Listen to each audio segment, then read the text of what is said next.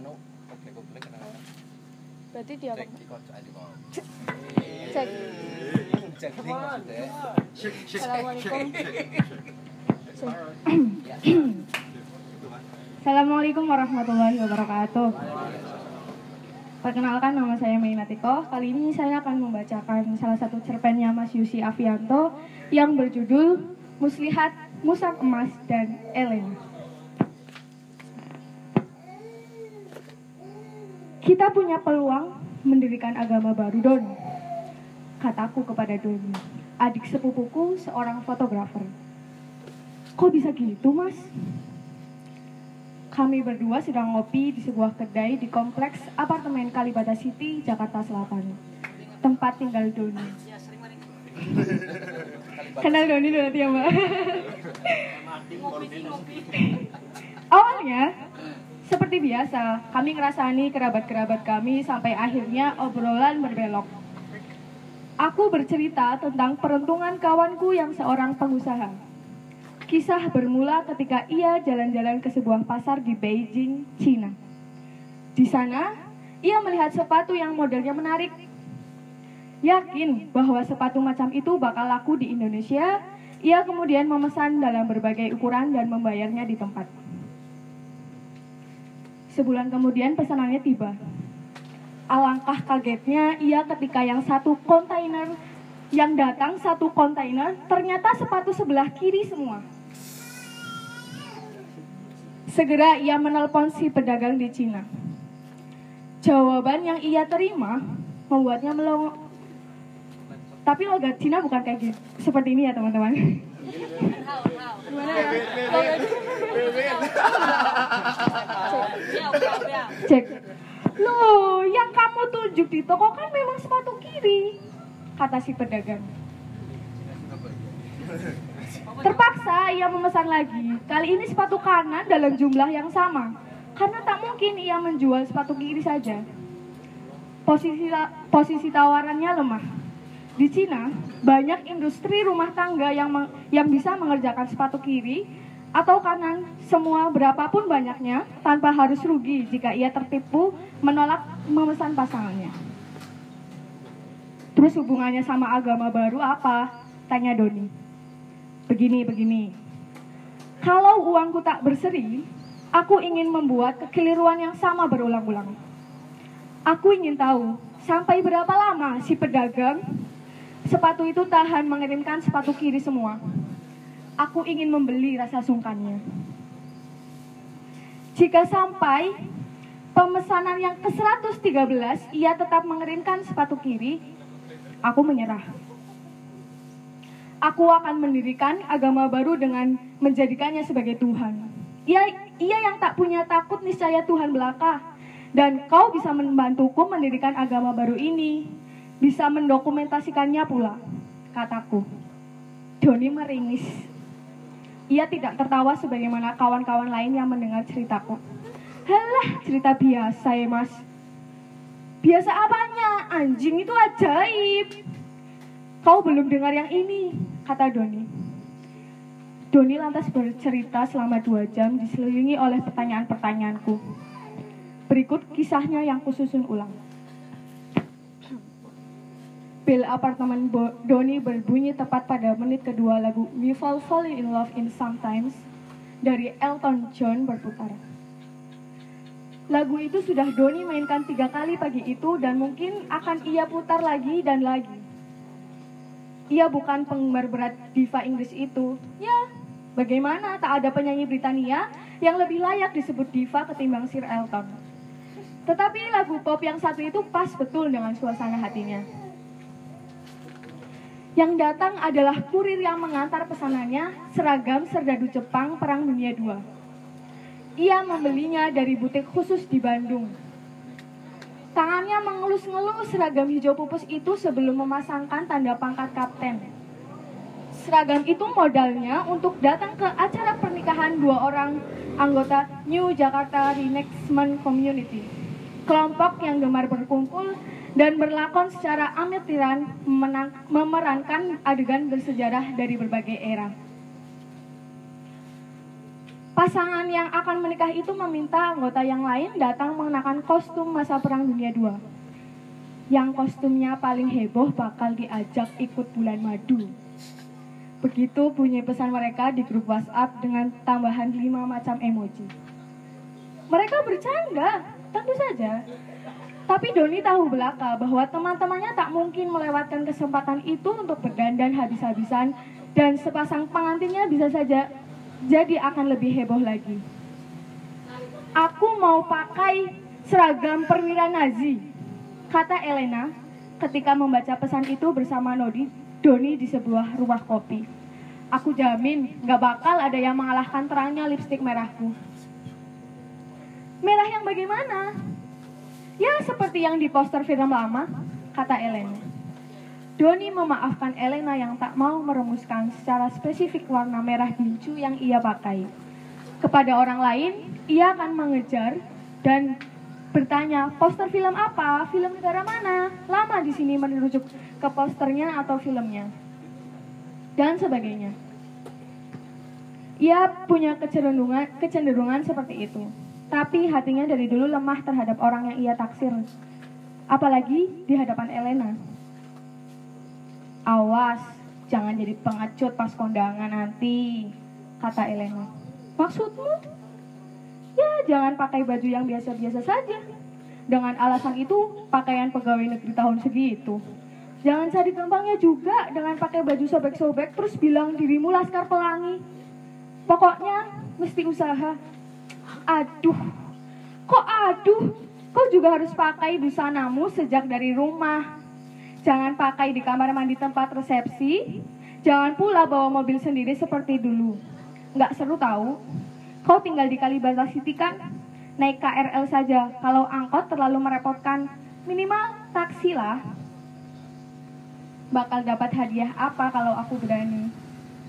Buktikan dulu. Baru nanti kita bicara soal hadiah, kata Elena. Doni percaya bahwa Elena akan benar-benar muncul dengan seragam yang ia janjikan. Kalau saja pilihan Elena bukan seragam SS, Doni ingin sekali mengembarinya. Mengenakan seragam prajurit Gestapo terlalu ekstrim baginya. Ia pernah jengah setengah mati ketika ada beberapa orang kulit putih memaki-maki temannya yang mengenakan seragam perwira SS ketika mereka sedang berkumpul di kawasan kota. Pilihan baju serja, pilihan baju serdadu Jepang ia rasa aman dan cukup keren. Ia punya alasan lain yang sedikit sentimental. 25 tahun yang lalu, ketika ia masih kanak-kanak, Doni pernah begitu terpukau melihat kakak kandungnya berlakon sebagai perwira Jepang yang kejam dalam pementasan 17-an di kampung mereka di Semarang. Jauh hari sebelum pentas, kakaknya yang saat itu masih duduk di bangku SMA sudah berhasil memikat hati orang orang kampung yang menonton latihan dengan pengucapan makian Begero. Gitu nggak sih? Kalau lihat lihat Naruto sih kayaknya gitu, tapi ya lebih tepatnya Bakero, yang artinya bisa dungu atau tai. Oh gitu. yang sangat meyakinkan. Latihan-latihan lalu sangat ditunggu dan untuk setiap Bagero yang keluar dari mulutnya, penonton bertepuk tangan meriah. Mungkin karena antusiasme itulah maka pada malam pentas kakaknya melontarkan Bagero sekitar 50 kali untuk pertunjukan yang hanya 30 menit. Kakaknya itu saling melim sangat melindungi Doni semasa ia kanak-kanak. Kakaknya meninggal dunia 44 bulan yang lalu, itulah alasannya memilih seragam serdadu Jepang. Seandainya masih hidup, tentu kakaknya senang bergabung dengan komunitas pelakon ulang dan bisa menjadi bintang di sana. Doni ikut komunitas pelakonan ulang karena Elena. Ia tidak diajak. Tapi karena Elena menyebut-nyebut tentang komunitas ini, ia bergabung supaya punya alasan sering bertemu. Jika saja Elena menyebut tentang komunitas penggemar cobek dan ulekan, atau komunitas perawat gambar umbul, atau sekte penyembah Velvet Underground, ia bakal bergabung juga tanpa berpikir dua kali. Ia bertemu Elena tiga bulan sebelumnya pada malam amal komunitas pencinta hutau bakau. Para anggotanya seperti anggota komunitas-komunitas lain lebih menamai kelompok mereka dalam bahasa Inggris Mangrove Addicts. Ia sebetulnya tidak terlalu peduli bakau. Tentu, ia suka jika hutan bakau terjaga. Tapi kalau min- diminta benar-benar berkeringat untuk perbakauan, ia akan melipir sebelum melarikan diri. Doni sedang duduk menunggu ketiga temannya selesai berhandai-handai setelah acara ditutup ketika seorang perempuan yang Doni taksir berusia 20-an akhir duduk begitu saja di sampingnya. Perempuan berkulit cerah itu mengeluarkan pil dari tasnya dan meminumnya. Spontan, Doni bertanya, sakit mbak? Hmm, enggak, ini pil bulanan. sakit bulanan? Bukan, ini pil biar aman tiap bulan. Tahu sendirilah mas, saya minum teratur pada jam yang sama supaya tidak lupa. Kalau ngandelin pasangan pakai pengaman kok masih was-was ya? Perempuan itu masih duduk selama tiga menit sebelum bangkit dan tersenyum. Doni, Doni bukan laki-laki dungu. Ia tahu apa yang diminum perempuan itu. Setidaknya demikian jika pengakuan perempuan itu bisa dipercaya. Oh salah. Doni bukan laki-laki dungu. Ia tahu apa yang diminum perempuan itu. Setidaknya demikian jika pengakuan perempuan itu bisa dipercaya. Doni sempat memikirkan sekiranya perempuan itu melemparkan isyarat dan ia kurang sigap. Ia tertal, oh iya Mas Doni, lalu ia tak terlalu menyesali jika benar demikian. Keterbukaan perempuan itu kepadanya, orang asing bagi perempuan itu menyadarkan dirinya bahwa ia masih punya harapan. Pada acara-acara berikutnya, Doni lebih rileks dan pel- pelan-pelan kefasihan lidahnya kembali. Ia beroleh beberapa kenalan baru perempuan. Doni membenarkan dengan malu-malu perkataan teman-temannya bahwa parasnya memang oke. Perkenalan-perkenalan itu ada yang berlanjut ke ranjang atau pekerjaan atau keduanya atau tidak sama sekali. Doni tak terlalu risau. Ia menikmati yang bisa ia dapat. Ia tak pernah membanggakan kepada teman-temannya jika yang ia kencani kebetulan seorang sosialita atau model yang punya nama. Dua kelompok yang selalu ada saja di komunitas apa pun. Teman-temannya iri, tapi bagi Doni yang perempuan-perempuan perempuan-perempuan itu teman kencan biasa. Kebetulan saja nama mereka dikenal banyak orang. Ia pernah berpacaran dengan model dan bintang film sebelum ia menikah. Mantan istrinya juga salah satu seorang juara dalam ajang Abang None Jakarta. Doni mungkin akan terus nyaman dengan situasinya jika seorang anggota Sarekat Muslihat Musang Emas tidak mengundurkan diri satu persatu. Herman bertemu pacar serius di komunitas filateli. Kandar mendapat pekerjaan baru di Myanmar dan Sinyo, satu-satunya anggota yang bukan lajang, nyalinya menciut setelah istrinya mulai curiga. Sebetulnya, Doni tak berminat sama sekali datang ke malam amal komunitas Bakau, tapi salah seorang pengurus komunitas itu seorang laki-laki yang selalu tampak aleman memintanya membantu urusan dokumentasi. Doni bersedia karena yang memintanya pernah memberinya bayaran besar pada masa awal Doni meniti karir dan ia merasa berutang budi. Hati, no- hati Doni berdesir begitu ia melihat Elena yang malam itu datang mengenakan baju putih longgar, celana jeans biru, dan sepatu boot kulit hitam. Ia tak pernah bertemu Elena pada acara komunitas bakau sebelumnya. Di mata Doni, paduan busana sederhana itu terlihat sangat serasi. Paras Juwita Elena juga berbeda dari sekian wajah cantik yang pernah Doni kencani. Misterius dan ramah pada saat yang bersamaan. Doni sulit sekali mengalihkan pandangan. Gawat nih, pikirnya. Tapi ia tak berani bilang apa-apa. Kefasihan lidahnya yang sudah kembali dalam beberapa bulan terakhir menghilang pada malam itu.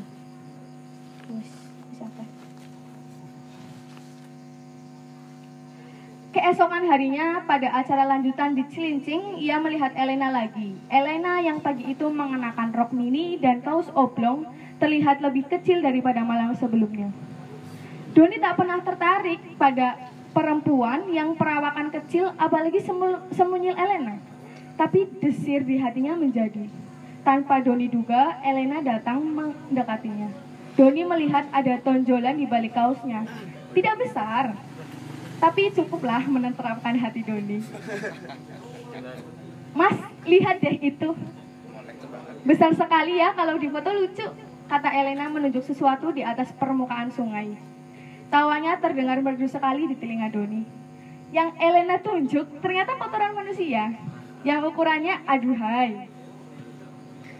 Entah manusia macam apa yang bisa mengeluarkan kotoran sedemikian pulen, besar, panjang, dan melengkung seperti bulan sabit. Doni kagum dan ikut tertawa. Ia memotretnya. Seandainya Elena memintanya membungkus kotoran itu untuk kenang-kenangan, ia akan patuh. Obrolan mereka pagi itu singkat, tapi Doni sudah girang bukan kepalang. Ia mendapatkan nomor telepon Elena.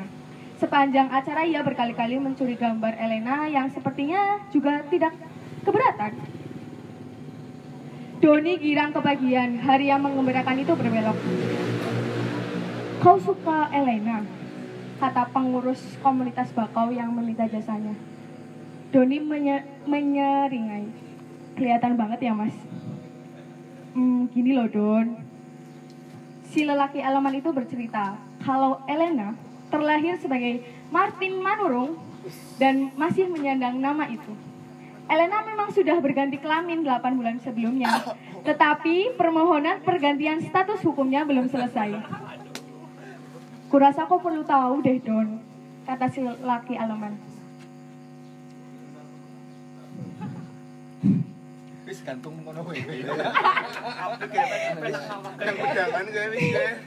Sepulang dari Cilincing, Doni membeli sebotol whisky dan minum sendirian di apartemennya. Ia ingin mabuk tetapi tak berhasil. Yang datang justru air matanya. Ia tahu bahwa ia belum punya hubungan apa pun dengan Elena, tapi ia sudah jengkel setengah mati membayangkan mantan istrinya yang pasti akan sanggup membayangkan menertawakannya pol-polan jika tahu situasinya. Ia juga belum sanggup membayangkan reaksi keluarga dan teman-temannya jika ia ingin serius dengan Elena. Jelas ia tak mungkin meneruskan mendekati Elena. Ia lalu melakukan sesuatu yang sebelumnya tak pernah ia pikir bakal ia kerjakan saat akan mendekati orang yang ia taksir. Membuat daftar pros and cons seperti pemuda-pemuda unyu yang baru mengenal asmara. Ia menulis yang masuk ke dalam kantung cons terlebih dahulu. Hinaan mantan istri, ibu yang malang jika tahu, pertanyaan lugu anak perempuannya, ketidakpahaman kawan-kawan dekat yang disarukan sebagai permakluman sehingga membuat semuanya bakal terasa lebih anjing lagi. Khotbah tak diundang dari siapa pun yang merasa kenal dengannya. Kulit gelap Elena, body kecil, dada rata, vagina palsu. Doni berhenti di vagina palsu. Sekalipun masih banyak lagi yang terlintas di kepalanya. Pros, poni, raja lebah, madu munyil di pergelangan tangan kiri, cantik yang tak biasa, suka, suka, suka terus. Semenit kemudian Doni merebak-robek kertas keparat itu. Ia pun mengontak Elena suatu siang dan mengajaknya makan bersama. Saat menelpon itu, ia bilang bahwa dirinya kebetulan sedang punya urusan di gedung kantor Elena berada. Ia sengaja ke sana dua jam sebelumnya. Kau tahu kan aku perempuan jadi-jadian, kata Elena. Jangan bilang gitu, ah. Ih, kok baik ya. Kau tak perlu bercerita yang terlalu pribadi. Kau, ke- kau kenalan baru, aku tak ingin kau tahu dari orang lain. Elena lalu bercerita bahwa ia merasa dirinya bukan lagi Martin sejak usianya 13 tahun. Ia baru ia baru berani mengenakan baju perempuan semasa kuliah setelah ayahnya meninggal. Ia menjalani operasi di Bangkok setelah ibunya meninggal setahun lalu. Dulu waktu sekolah sempat pacaran dengan cewek. Eh salah. Dulu waktu sekolah sempat pacaran dengan cewek. Eh sorry sorry. Kata Dodi. Santai aja. Sama cewek sih sering. Dan aku menikmati kok. Setidaknya awalnya. Kok aku tidak happy dengan tubuhku. Dan orang yang bahagia sulit bikin orang lain senang. Sudah pacaran sudah ber, sudah pacaran dengan berapa laki-laki? Sialan. Emangnya aku perempuan apaan? Serius nih? Belum pernah. Belum ada yang menarik. Doni tersenyum. Siang itu ia sempat berpikir bahwa ia mungkin akan menjadi laki-laki pertama yang memasuki Elena. Ia pulang dengan rasa bunga, tapi bukan harapan akan ber- akan beroleh yang semacam itu yang membuat Doni ingin bertemu Elena. Ia merasa benar-benar nyambung dengan Elena. Wawasan Elena luas, tak terbatas di bidang keuangan yang menjadi profesinya. Sehingga dengan malu campur kagum, Doni memilih pura-pura paham saat Elena bicara seg- segala macam. Langsung, ya. Seperti ungkapan klise, hati sudah bicara. Ia yakin Elena juga suka kepadanya. Oh iya, terakhir. Pesta pernikahan di Gedung Arsip Nasional Malang itu meriah sekali. Tamu yang datang sekitar 500 orang dan semuanya mengenakan busana yang keren. Ada yang memakai memakai seragam prajurit Gurkha, ada yang mengenakan busana ala pemimpin Fiji, dan setidaknya ada lima tamu yang mengenakan baju ala sang pemimpin besar revolusi saat membacakan teks proklamasi. Sementara itu, sang pengantin laki-laki berdandan ala Jenderal Douglas MacArthur sebagai si pengantin perempuan, memilih bergaya ala Winston Churchill. Churchill. Doni mencari-cari Elena. Setelah satu jam, baru ia melihat Elena masuk ruang pesta. Benar, Elena mengenakan seragam perwira SS. Poninya ia tarik ke belakang dan tertutup topi. Elena melambaikan tangannya kepadanya dan mendekat. Benar, lipstiknya merah menggairahkan seperti dalam pos- poster film lama. Doni ingin sekali mencium perempuan itu saat itu juga. Namun, ia mesti sabar karena bersama Elena datang seorang perempuan cantik langsing yang berdadan ala Marlene Dietrich. Dietrich. Don, kenalkan nih Lisa, teman kantorku. Lisa, ini Doni, teman baruku yang baik yang sering kuceritakan, kata Elena. Setelah mereka berbahasa basi sejenak, Lisa pamit ke kamar kecil. Elena merapat ke Doni yang langsung berdebar. Menurutmu kami tidak kami cocok tidak Don? Menurutmu kami menurut cek. Oh. Hah? Oh belum belum belum cek. Cek. Menurutmu kami cocok tidak Don? Aku sudah lama nih naksir dia, tetapi belum punya kesempatan nembak dia. Malam ini akan aku coba, kata Elena. Alah. Sekiranya Doni membawa pedang pendek yang meleng- yang pelengkap kostumnya, barangkali akan menyobek perutnya ma- malam itu juga di, di tempat pesta. Saya ulangi ya. Don, kenalkan, ini Lisa, teman kantorku. Lisa, ini Doni, teman baruku yang baik yang sering kuceritakan itu. Setelah mereka berbahasa basi sejenak, Lisa pamit ke kamar kecil. Elena merapat ke Doni yang langsung berdebar. Menurutmu kami cocok tidak, Don? Aku sudah lama naksir dia, tetapi belum punya kesempatan nembak dia. Malam ini akan aku coba, kata Elena. Sekiranya Doni membawa pedang pendek sebagai pelengkap kostumnya, barangkali ia akan menyobek perutnya malam itu juga di tempat pesta. Kapan itu Don? Tanya mas-mas sepupunya Don. Dua hari yang lalu mas. Aku sebenarnya ingin mengajak Doni berbicara tentang gender dan seksualitas. Tapi saat melihat wajah Doni yang kusut, aku tahu bahwa ia tak akan berminat. Aku mengacak-acak rambutnya. Walah, nasibmu kodo, Don cemerlang sekali. Matamu, mas. Kepalaku ini mau pecah loh. Malam ini tak cukup kopi, Don, kataku. Malam itu aku mentraktirnya minum di sebuah bar di Kemang. Setelah menenggak sloki keempat whiskinya, Doni berkata, Ketimbang bikin agama baru, bikin komunitas hati remuk karena sebab-sebab yang tertanggungan aja, Don. Sudah, terima kasih. Wassalamualaikum warahmatullahi wabarakatuh. Ya. Monggo, monggo. oh iya. Ih, Mamu nih sih, Pak. Ubuk loro. Oh iya iya. Properti, Pak. Properti. Ode November.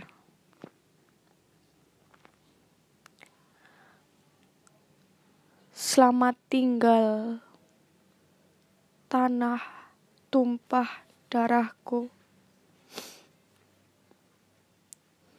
Selamat tinggal bangsaku tercinta. Walaupun kita tidak dan takkan pernah berpisah. Selamat tinggal adik-adikku. Selamat datang anak-anakku.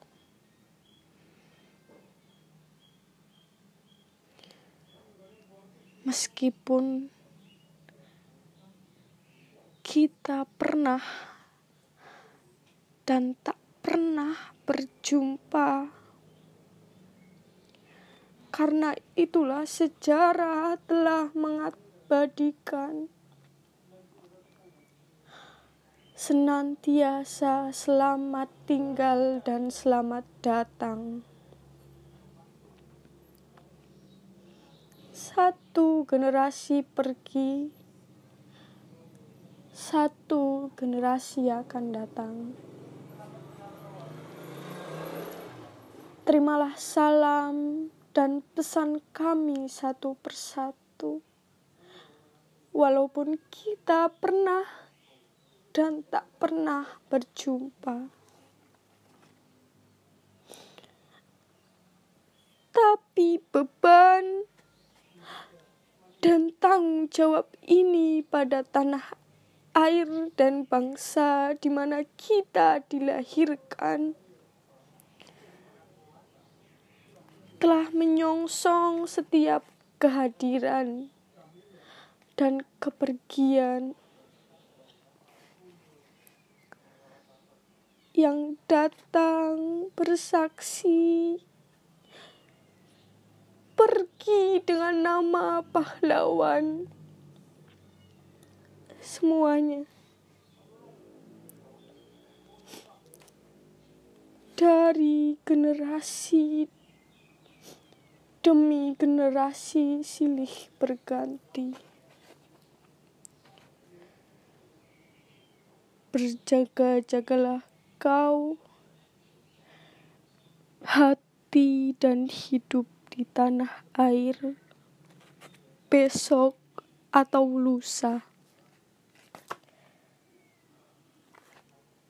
Tiap angkatan akan menerima gilirannya. Saksikan dan renungkan lagu puja yang berkumandang hening. Saksikan dan renungkan hikmah karangan bunga dan ziarah ke makom di Jakarta, Bandung, Yogyakarta, Solo, Surabaya, dan di mana pun.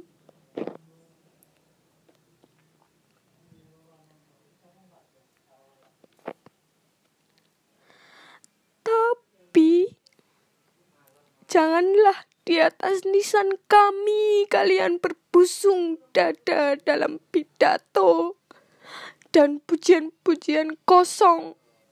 Lalu berbangga kami dalam tenang. Jangan kalian risaukan dengan air mata. Di sinilah Terima kasih dan ampunan paling tulus dan agung kepada perempu, setiap perempuan. Yang bernama ibu dan kasih sayang. Yang setia melahirkan.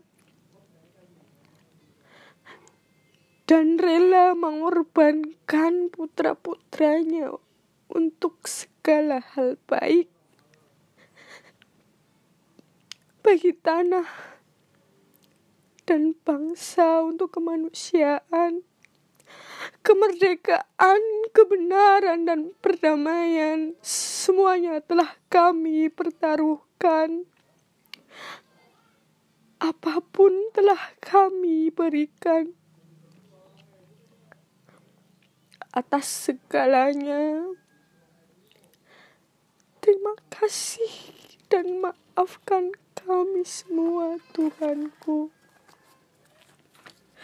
Kami telah bertolak dan akhirnya kembali berserah padamu dengan syukur dan rendah hati. Kami hamba-hambamu yang berpusara dan yang tak berpusara terbaring dalam pelukan Ibu Pertiwi. Indonesia, Yogyakarta 1966, bulan Parang dalam Ode November.